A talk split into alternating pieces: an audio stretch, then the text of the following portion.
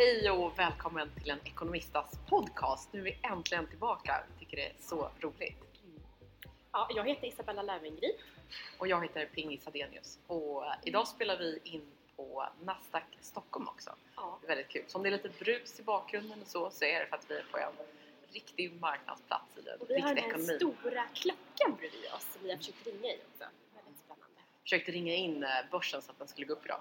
Men Isabella, vi måste väl komma in på så här. Nu är podden tillbaka. Det är kanske en hel del nya lyssnare.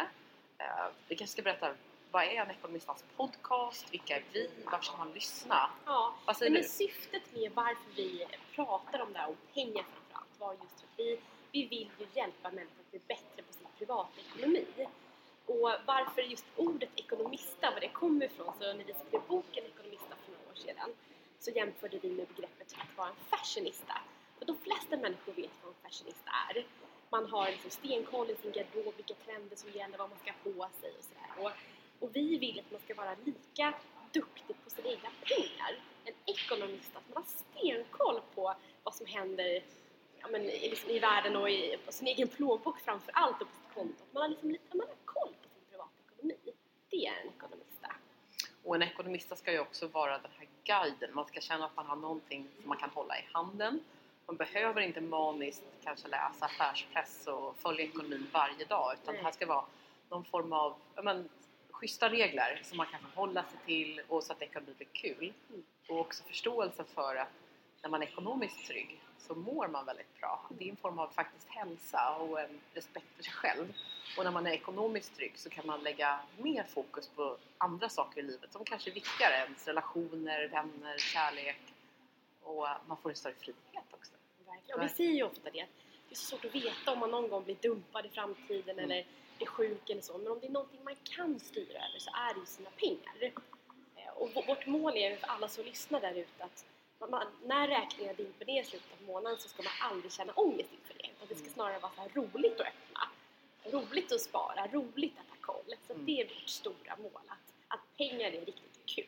Och att man känner att man har den där makten över pengarna själv. Att det inte är pengarna som styr en. Att man är ekonomiskt stressad och blir så här kallsvettig som du säger när de här fönsterkuverten eh, dyker ner i brevlådan. Så det är mycket sånt. Sen händer det så mycket i, i omvärldsekonomin nu. Alltså det som händer runt omkring oss. Inte bara vad som händer i vår egen vad du säga, garderob eller depå, aktier eller ens egen plånbok eller kontot. Det händer så mycket runt omkring oss. Så vi tänkte väl också prata lite mer om det i höst. Man själv Men kan kan inte du berätta lite grann vem, vem du är och vad du har för bakgrund? Just det. Pingis heter jag. Jag heter faktiskt Pingis på riktigt. Det heter Ingegärd i andra Det namn. var så kul för att du och jag vi var nere i fabrik, vi har ju flera bolag Mm. eh, och en, när vi var nere i vår fabrik i Alicante så sa de pinguin. Sa de det? Det missar jag. Ja, vi tillverkar ju ballerinaskor i en, Spanien. en pinguin. Jaha. Jag går just som en pingvin. Det är Nej, lite därför jag har det namnet. Jo men det är faktiskt så. Jag var lik en pingvin i en fabel när jag var liten. Så blev det Pingis istället för Ingegärd. Det är den snabba versionen. Nej men jag väl eh, den här... När jag var liten så blev jag tidigt intresserad av pengar. Jag vet inte riktigt varför. Jag var jätteintresserad av att driva bolag. Det var min lek hemma. Så jag lekte i bank hemma. Jag hade det här PK-banken med min kompis Kattis, Pingis och Kattis. Och sen blev jag intresserad av, av aktier och börsen. Jag tror min pappa påverkade mycket av min morbror som verkligen inte gjorde någon skillnad på att jag var tjej eller sådär utan jag satt och diskuterade aktier med dem båda sådär efter skolan och jag som sagt jag lekte bank och det blev väldigt avdramatiserat. Sen började jag jobba i finansbranschen, eh, läste ekonomi. Eh, sen har jag jobbat med jättemånga andra saker. Idag driver ju du och jag bolag. Eh, men när vi lärde känna varandra så kände vi väl att vi kom, jag kanske hade mer den här bankbakgrunden, du hade drivit mer bolag så det blev en bra match när vi såg att just tjejer har sämre koll på pengar. Det är, varför är det så? Det måste vi göra någonting åt. Det här är ju världens roligaste, enklaste grej att ta tag i. Och det blev Ekonomista. Och det är väl där vi är idag, att vi tycker det är så kul och vi får så otroligt mycket positiv respons för att det finns så mycket enkla saker man kan göra för att hantera sina pengar. Verkligen. Och du, vem är du? Ja, Finns alltså- ett enkelt svar? Nej men jag började ju eh, driva företag när jag var 16 och hade tidigt som mål att kunna finansiera mina egna drömmar. För det är svårt i Sverige att gå till olika banker eller till Almi och väldigt dyrt och, och, och fråga om startkapital. Det var väl det som liksom fick igång hela min motivation att börja spara. Att slippa bli förnedrad när man går till en bank och visar upp sin affärsplan och, och kunna ha egna pengar på banken. Så att när man har en affärsidé eller en dröm så kan man själv eh, betala sitt startkapital till ett aktiebolag och komma igång. Så eh, nej, men jag började spara mycket pengar redan som, som tonåring och tycker att det är väldigt roligt att se eh, vad man kan göra för de här pengarna. Alltså det, det är det som är målet. Pengar för mig är ju bara ett verktyg. Och eh, jag är en person som tar ganska mycket risker och har alltid gjort det. Och de pengarna jag tjänat in har jag ja, inte, inte roulette svart eller rött, men lite så att man har kastat in dem i ett företag och ser vad kommer hända nu och jag tycker det är väldigt spännande. Så, um, så ja, jag är ganska, tar mycket risker och så, men det har ju också lönat sig. Kan du ta några exempel då, den sämsta och bästa investeringen för utbyte som man ser till i bolag? För det kan ju vara så, det kan vara lite risk och roulette eller har man? gjort massa dåliga investeringar. Vi kan prata en hel podd om mina dåliga investeringar. Om man inte ska göra. Och det är så man lär sig. Och det är väl mycket det här att, eh, att kanske slänga in pengar i eh, en bransch som inte eh, som är mättad och som kanske inte så det händer så mycket längre. Till exempel när jag startade en tidning för några år sedan. Och då var väl mest för att jag, jag tyckte att det inte fanns den här typen av tidning som saknades. Men folk vet att det är en jättesvår bransch idag. Eh, och istället när man hittar eh, alltså rätt timing för allt som har med investering att göra handlar om rätt timing. Och, um, och det lyckades jag bra med när jag investerade i ett eh, preventivmedelsföretag, en, en P-app Mm. helt enkelt. Eh, som har gått väldigt bra. Och det handlar just om det här med, med timingen, att det finns inte så många eh, sådana P-appar idag. Mm. Så den har vuxit jätte, väldigt, väldigt bra. Och våra egna bolag är ju en bra investering också. Ja, som känns ganska enkelt så här i Ja efterhand. men verkligen. Så att, vi kan väl ägna ett helt avsnitt tycker jag om timing. För det Mm. rör ju sig både om aktier och företag och även ens privatekonomi när man Ja. ska köpa vad. Och är man duktig på det så kan man göra bra affärer. Och det kan jag verkligen känna nu när det händer så mycket i omvärldsekonomin. Eh, börsen går upp och ner, det är världens turbulens. så Det är ganska svårt. Det är svårt att förstå också kanske vad det är som påverkar just nu. För det händer så mycket i omvärlden. Och bolag som man kanske tycker är stabila och trygga investeringar där liksom flaxar aktiekurserna och man vet varken ut eller in och man vet inte var man ska placera sina pengar. Det är låga sparräntor och helt om man ser det jag lärde mig i läroböckerna när jag var yngre, det stämmer inte alls idag med hur verkligheten faktiskt är. Eh, men det är också intressant om man tittar på, på våra bolag tycker jag. Har gett oss in i ganska klassiska branscher. Ska vi berätta vilka det är? retail, ja precis. Ska vi börja med Flatter då kanske? Ja. Det är ballerinaskor. Eh, De är tillverkade i Spanien och Portugal. Det är den perfekta ballerinaskon kan man ju säga. Faktiskt. Och vi börjar sälja på Harrods och Selfridges i höst. Och jag tror väl att varför vi har lyckats ta oss in, för att skor finns det ju väldigt mycket av. Det är ju framförallt när man startar ett nytt bolag så måste man tänka så här. Vi måste göra någonting bättre eller så gör man en lika bra produkt som redan finns som man gör billigare. Det måste finnas någonting som särskiljer. Och det är väl det som är i Flatter. Vi tycker att vi har fått fram en perfekt sko och det har kunderna gillat. Har du något att tillägga? Eller övergriv Karen Kaller då? Ja, men Mm. det, det är ju hjärtat i företaget Mm. kan jag tycka. Eh, och det är ju vårt eh, kosmetikbolag som, som säljs i Sverige och Finland. Nej förlåt, Sverige och Norge. Ja, hela Norden egentligen online. Nu finns vi på 13 Ja marknader. men precis, och så har vi en, en salong i Zürich också. Så det är Mm. superkul. Nej, men det är ju ett skönhetsmärke för kvinnan som många bollar i luften. Som gör mycket saker, vill få ihop tider, hjälp med balans och då behöver man bra skönhetsprodukter som underlättar i vardagen. Mm. Det kan till exempel vara ett schampo balsam som håller håret nytvättat länge, torrschampo när man inte hinner eller en deodorant som håller vad den lovar. Den heter ju faktiskt Count on Me, deodoranten. Tillverkat i Sverige. Så, ja men så det är lite det. Och om vi bara går tillbaka till den här podden, Varför Ekonomistbolaget. Mm. är ju vår podcast och Ja. våra föreläsningar och Nyhetsmorgon. TV4. Så, och vi har gjort två säsonger tidigare den här Mm. podden och då var väl fokus mycket på eh, ja, men rent sådär privatekonomiska frågor, att förklara vad en aktie är, att verkligen få ja, men göra ekonomi tillgänglig för alla. Det får inte vara svårt. Och det vi kommer fokusera på den här säsongen är väl lite mer, vi blickar lite grann, lite mer från ett helikopterperspektiv, lite mer Mm. omvärldsekonomi och hur det i slutändan påverkar din privatekonomi. Och också hur man själv kan påverka. För, liksom den här förståelsen för att till exempel hur jag handlar och konsumerar. Alltifrån när jag går liksom till mataffären. Om jag helt plötsligt bara vill köpa gröna bananer, och alla andra vill det också, så kommer det att påverka innehållet i mataffären och tvärtom. Och det här är väldigt intressant. Nu lever ju vi i Sverige i en så kallad marknadsekonomi där vi som konsument kan styra.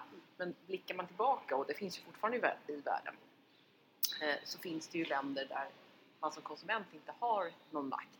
Till exempel kommunistiska stater där staten går in och säger eh, det här, de här produkterna ska vi sälja i mataffärerna. Eh, de här industrierna ska vi ha. Vi ska tillverka så här många bilar, vi ska bygga så här många hus. Och det finns väl inget gott exempel på att det fungerar fast det kanske låter som en bra idé. Så det är väldigt fantastiskt när man tittar på hur, ja, men hur Sverige funkar. Men det är ju så kul, för kommer man inte ihåg när det var den här eh, pulled pork, när alla Ja. började käka det? Ja, Och sen så ser man, så går det några veckor eller månader och Mm. så ser man att varenda hörna säljer pulled pork, varenda 7-Eleven säljer pulled pork. alla sociala medieinlägg, medieinlägg, inlägg och inlägg om helgerna. Och det är så häftigt för då är det ju efterfrågan då efter pulled pork-ställen som har styrt. Att det bara poppar upp ställen juicebarer, barer. Jo, nu kanske det är ett storstadsfenomen.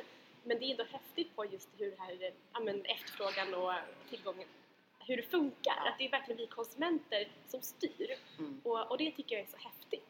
Och också hur det blommar upp nya företag och vissa tyvärr också försvinner. Mm. Visst är det så? Det är ju faktiskt kast. Om man går tillbaka till lite så här, varför man ska lyssna på podden. Vad känner du att vi ska ge för löfte? Så här, vad ska man lära sig? Nyttan? Ja, eh, men det är för mig, jag tänker väl att det finns två anledningar. Dels så är det för personen som inte har brytt sig tidigare alls, som tycker att pengar är jobbigt. Att man får ångest när man betalar räkningar. Man känner att pengarna alltid rinner ur händerna på en, man ligger efter, man har inte råd att spara.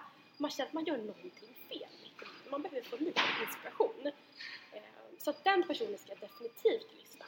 Men sen även den personen som känner att men ja, jag sparar varje månad, jag amorterar, jag har koll men jag vill också liksom inspireras lite extra. Så, så två nivåer i det här. Mm. Och sen vill vi gärna också få lite inspiration från er som lyssnar. Vi har ju faktiskt eh, en mail man kan skicka till eftersom Veckans Affärer hjälper oss att spela in podcasten. Och ni kan läsa lite om de gamla avsnitt där. Så finns det också en eh, webbadress som ni kan skicka frågor till. Den är ekonomista va.se. Vi kommer ta en, en faktiskt läsarfråga i slutet också som var väldigt, väldigt intressant på temat. Men eh, tillbaka lite till här och nu ändå eftersom Ja. det här är första avsnittet på säsongen Mm. så måste vi ändå, vad har hänt för dig här och nu? Nu tänker jag ekonomi, det händer alltid mycket i våra båda liv. Men ekonomiskt, Ja, men den största ekonomiska förändringen i vår, mitt och min mans liv är ju att vi har köpt hus. Mm. Och, och vi har ju, det är ju så himla mycket spekulationer kring är det en bostadsbubbla? Eh, är det piken just nu? Blir det dyrare i Stockholm? Kan vi få mer betalt? Och, och att gå från en, en lägenhet i innerstan till ett köpa ett hus är ju det är läskigt, det är jättesvårt för det är det största köpet vi någonsin har gjort. Men jag kände att vi red på vågen perfekt. Alltså vi lyckades pricka in allt rätt. Eh, vi, en lägenhet på Kungsholmen går ju idag till sjuka summor. Eh, så den, vi hade, den sålde vi på förhandsvisning, vilket var fantastiskt om man är småbarnsfamilj och inte orkar städa. men vet du att 30% säljer före riktig Det är så? Ja. Och det visar ju, om vi går tillbaka till vi ska Ja. prata om omvärldsekonomi, att utbudet är ju väldigt litet i de stora städerna. Så att det finns otroligt många som efterfrågar de här objekten. Alla jagar. märktes. Ja, ja verkligen. Det är Nej, ganska men- bra va? Ja men det gick väldigt bra och um, om jag kan ju vara krass, vi, vi köpte för 6,8 eh, Mm. miljoner för ett och ett halvt år sedan och så Mm. sålde vi för 8,550. Och det är ju fantastiskt. Mm. Alltså på vilket ställe kan man öka, vad blir det, 1,7 miljoner på så kort tid? Ja, det är ju en fantastisk värdestegring. Ja, efter det. Så det är en väldigt bra investering. Ja, och, och, och sen efter det då så valde vi att köpa ett hus och um, vi um, köpte ett hus på Lidingö. Och um, för, ja, men också för en lite lägre summa än vad snittpriserna går för på Lidingö. Jag tror att de brukar ligga på över 10 och vi kom ner för, för 8,7 vilket är en bra summa och det är för att den behöver renoveras lite då. Men i och med att vi har varit duktiga på att spara i flera år så har vi lite re- renoveringspengar sedan tidigare. Och det var intressant att komma ihåg när vi pratade om det. För då sa ju du att, jag kommer inte ihåg, men det var ungefär en halv miljon kanske ni skulle lägga på att renovera. Ja. Och de pengarna kan man ju inte låna. Man, alltså man kan inte ta ett vanligt bostadslån till 2% ränta eller lägre för att renovera. Och då blir det ju också färre som har möjlighet att köpa det objektet. Och då kunde ni få det till ett bättre pris. Så Ja. det är ju också typiskt på hur det funkar. Mm. Ska man också säga så här, om någon undrar varför bostadsmarknaden är som den är. Så vi har aldrig historiskt haft så här låga bostadsräntor. Så det är så otroligt många fler, om du tittar för tio år sedan, som har möjligheten att, att belåna sig Ja. och belåna mycket. Alltså Men det många är ju, miljoner. alltså vi tittar mycket på hus. Vi kollade på några, ett hus i Näsby park kommer jag ihåg och det var väl ute för 9 någonting. Mm. gick upp på nästan 13 miljoner. Men då var det topprenoverat eller? Ja, det var ju så här superstylat och det var, det var en kö när vi skulle dit. Alltså, vi fick ju vänta en kvart för att ens komma in i huset. Oj. Och då känner man lite så här, ah, när jag, när jag såg det så, så fick jag ont i magen och tänkte att köper vi helt fel tid just nu? Eh, och det är lite fult också när hus går upp 30% istället för kanske 10% som är normalt vid budgivning. Eh, och det är viktigt där, om vi tänker på privatekonomi, att hålla hårt i sin gräns. Att aldrig gå över den och, och ha en mental gräns. Att vi kan, vi kan buda på hårt och vara aggressiva i budgivningen men när vår gräns är nådd så är det nådd och inte en krona mer än det. Svårt samtidigt för man måste någonstans bo. Jo. Och idag är ju faktiskt ett problem. Det byggs väldigt lite. Ja. Det är väldigt mycket nya människor. Det är väl över 30 000 nya människor som flyttar in i Stockholm varje år. Var ska man bo? Och det är billigt att låna. Mm. Alltså går priserna upp. Så att eh, man kanske ska starta bygglov idag. Ja. Om man nu får Ja, bygg till Men bygglov. jag som är lite politiskt intresserad förstår ju, eller vi, så är det att, att det är bostadsbrist det alltså har mycket med just restriktionerna kring Ja. hur man får bygga. Allt från på längden till när det är grönområden till våra närförorter. Eh, så att om det är någonting vi ska göra så är det att gå på Stefan Löfven. Och börja bygga. Men jag har en fråga då, Ja, en mm. privatekonomisk fråga. Mm. I och med att när vi bodde i lägenhet så har vi alltid haft rörligt ränta. Mm. För att jag har känt att ja, men i längden så, så är det bäst. Men nu så bor vi i hus och det är så himla låg ränta och det känns så läskigt för oss om det plötsligt blir svindyrt och det sticker liksom så. Hur tycker du vi ska göra? Ska vi binda eller inte binda? Binda. Klassiska frågan. Det här är ganska roligt för om du kommer ihåg för några år sedan Mm. så eh, jag vet, kommer inte ihåg om det var att du hade bundit lånen på hela din, alltså alla dina lån. Ja. Det blev en ganska dyr historia.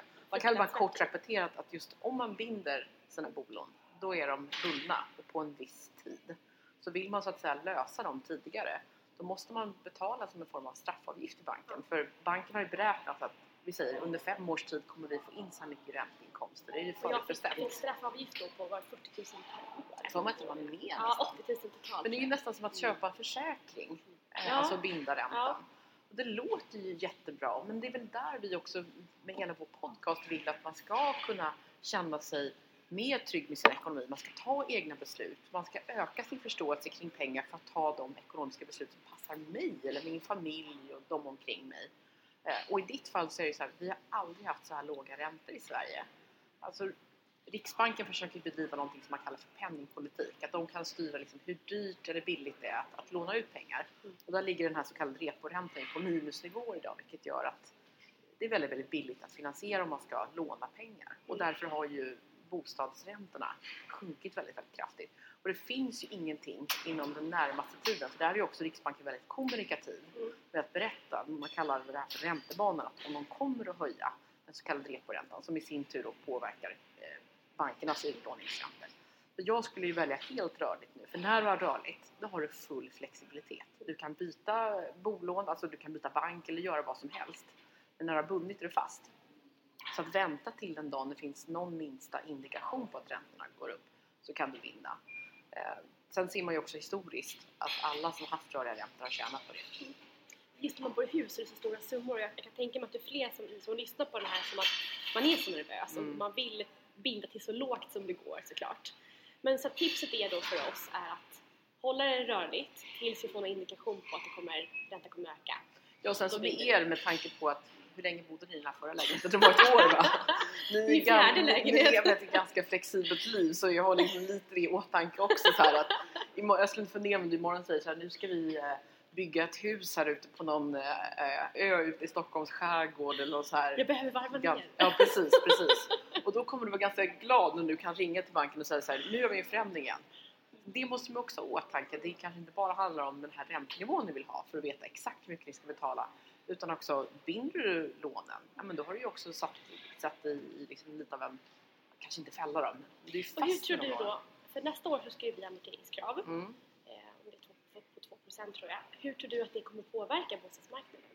Ja, alltså det kommer nog kyla av.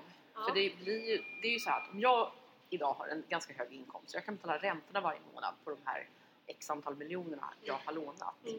Då måste jag ju helt plötsligt ha ännu mer pengar och samtidigt ska amortera. Och de reglerna som är föreslagna är ungefär att man ska amortera 2% av lånet tills man har eh, 50% lånad och sen 1% då. Eh, så får vi se vad det faktiskt blir. Mm. Men det är klart att det kommer kyla av lite grann. Och att det blir amorteringskrav. Är det, för nu, då, då tänker jag i mitt huvud att blir amorteringskrav så kommer det också, det är också tydligare tecken på att det inte kommer bli en räntehöjning för det kommer ju kyla av marknaden av sig själv. Är det ett feltänk? Nej, men det är klart att, att det kan sätta press på bostadsmarknaden. Och det är klart att det finns de som kanske eh, vi säger att ni köpte nu så ska Mm. ni sälja er vård. Då Mm. kommer ni antagligen få mindre betalt för ert hus. Det skulle kunna bli så ju för det är ett dyrt objekt. Och då kommer inte och räntan skulle, höjas. nej, men ni skulle kanske förlora pengar på det huset säger vi. Mm. Det kommer ju kyla av hela ekonomin om ni helt plötsligt, vi säger att ni måste sälja ert hus av någon anledning. Så kanske ni då tvingas sälja er till förlust. Det kommer ju påverka er ekonomi. Mm. Så säger vi att ni hamnar i skuld. Då kommer du antagligen börja konsumera mindre. Alltså kommer det påverka den stora ekonomin för helt plötsligt köper du billigare grejer på ICA, du köper inga nya kläder. Eh, du kanske drar ner på din personal för helt plötsligt så, så måste du liksom dra in eh, en tjänst på ditt bolag för att spara in pengar. Eh, då är du en person som bidrar till mer arbetslöshet. Så det, är ju, det kommer vi in på lite här. Så nu när blir person påverkar. amorteringskrav så, blir det, så kommer jag inte råd anställa Jag vet inte om vi ska säga att vi är omvärldsekonomer men det är bara ett sätt, sätt att ändå förstå vad som händer. Och i Sverige är vi väldigt, väldigt skuldsatta. Men eh, nu springer tiden iväg. Mm. Så tänkte vi kanske, ska vi ta den här läsarfrågan vi fick? Ja. För den är rätt, väldigt intressant. Det är en, eh, jag tror det är en tjej som Ja, jag hittade den här. Ja. Jag kör då. Mm. Ehm, Hej! Jag undrar om ni kan skriva lite mer hur man tar betalt. Jag fick tipset att säga till mina uppdragsgivare som det var att jag inte kan göra jobbet för den här summan som de betalade mig eftersom det inte var proportionerligt för min tid och lön. Eh, och då blev jag av med uppdraget. Var ska jag börja? Tänka kring varumärke, lägga ner. Eh, min bransch är kultur ska det tilläggas. Jag jobbar jämt, har aldrig pengar, går plus minus noll. Typ. Eh, Isabella, du kan ju kalla dig kulturtant va? Ja, jag är den nya tidens kulturtant. Jag Ja. vloggar och Mm. eh, tycker om marsipan. Hur gör du? Man kan väl bara säga så här. Det som är intressant i den här frågan, det är ju det. Det man ser är att här är en person som jobbar i en bransch där det verkar finnas väldigt många som erbjuder sina tjänster. Som du den här tjejen har gjort. Det finns inte så många som efterfrågar de här tjänsterna. Alltså går priset ner. För det är en klassisk marknadsekonomi. Vad skulle du säga då som själv är i kulturbranschen? Nu skulle du Det är så tänka, kul hur att jag är i kulturbranschen. Ja, men så det jag har aldrig sett mig själv vara i kulturbranschen men jag är ju det och Ja. får inte glömma i den här tiden. Och det är väl det som är lite svar på frågan också att just kulturbranschen är ju är, är i förändring. Och det låter som att hon är kvar, kan man säga, i den här gamla då, som, där det är svårt att ta betalt och så.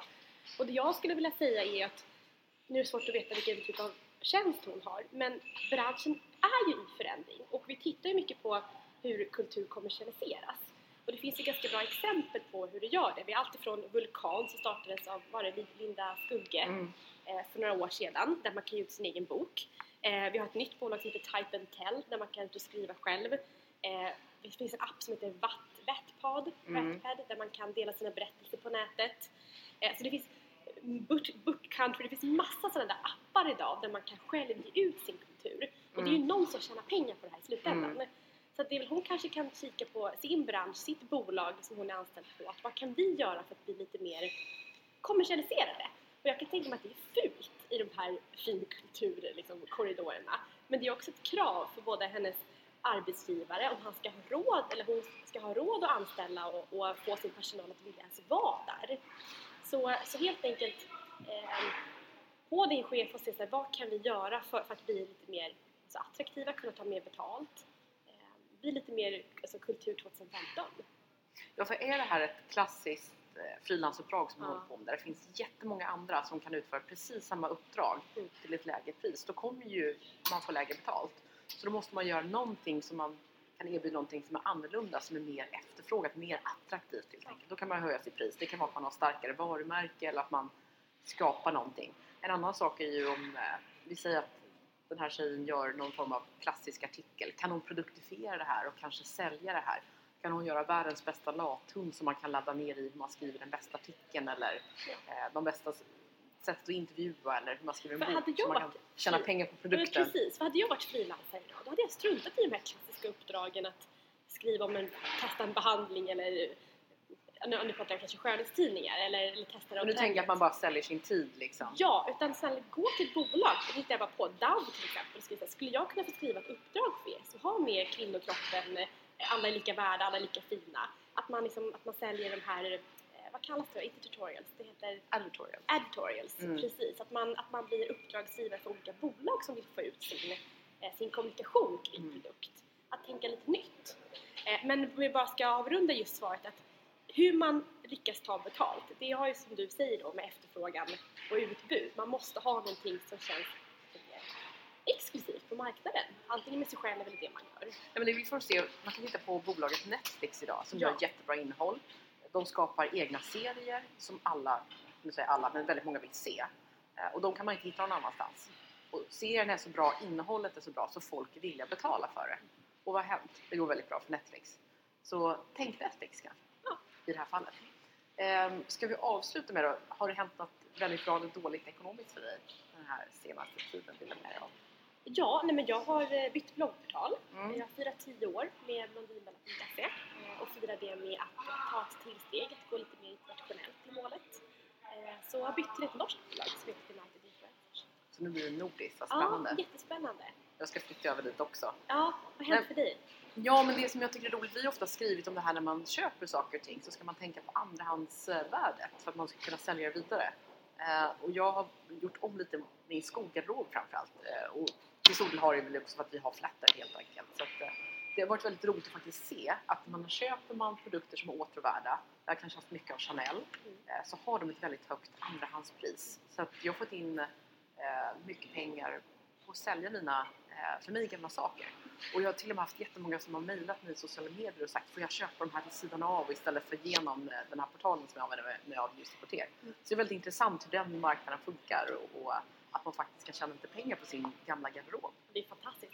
Men jag tänker på vad man köper då så att någon annan vill köpa det sen. Ja, och, och någonting som du är duktig på, som vi har pratat om tidigare, är just ta hand om sina saker. Att inte slänga in allting längst i garderoben utan du, du sköter ju dina saker. Ja, Dustbags och alla kvitton, allt finns kvar liksom. Så det är är så mycket att inspireras av dig på Ja. den punkten. Det var jättekul att vara tillbaka här igen. Vi kommer fortsätta spela in lite avsnitt här på äh, Nasdaq Stockholm. Och kanske ta med oss en gäst också. Ja. Som alltid förstå hur man äh, noterar ett bolag själv.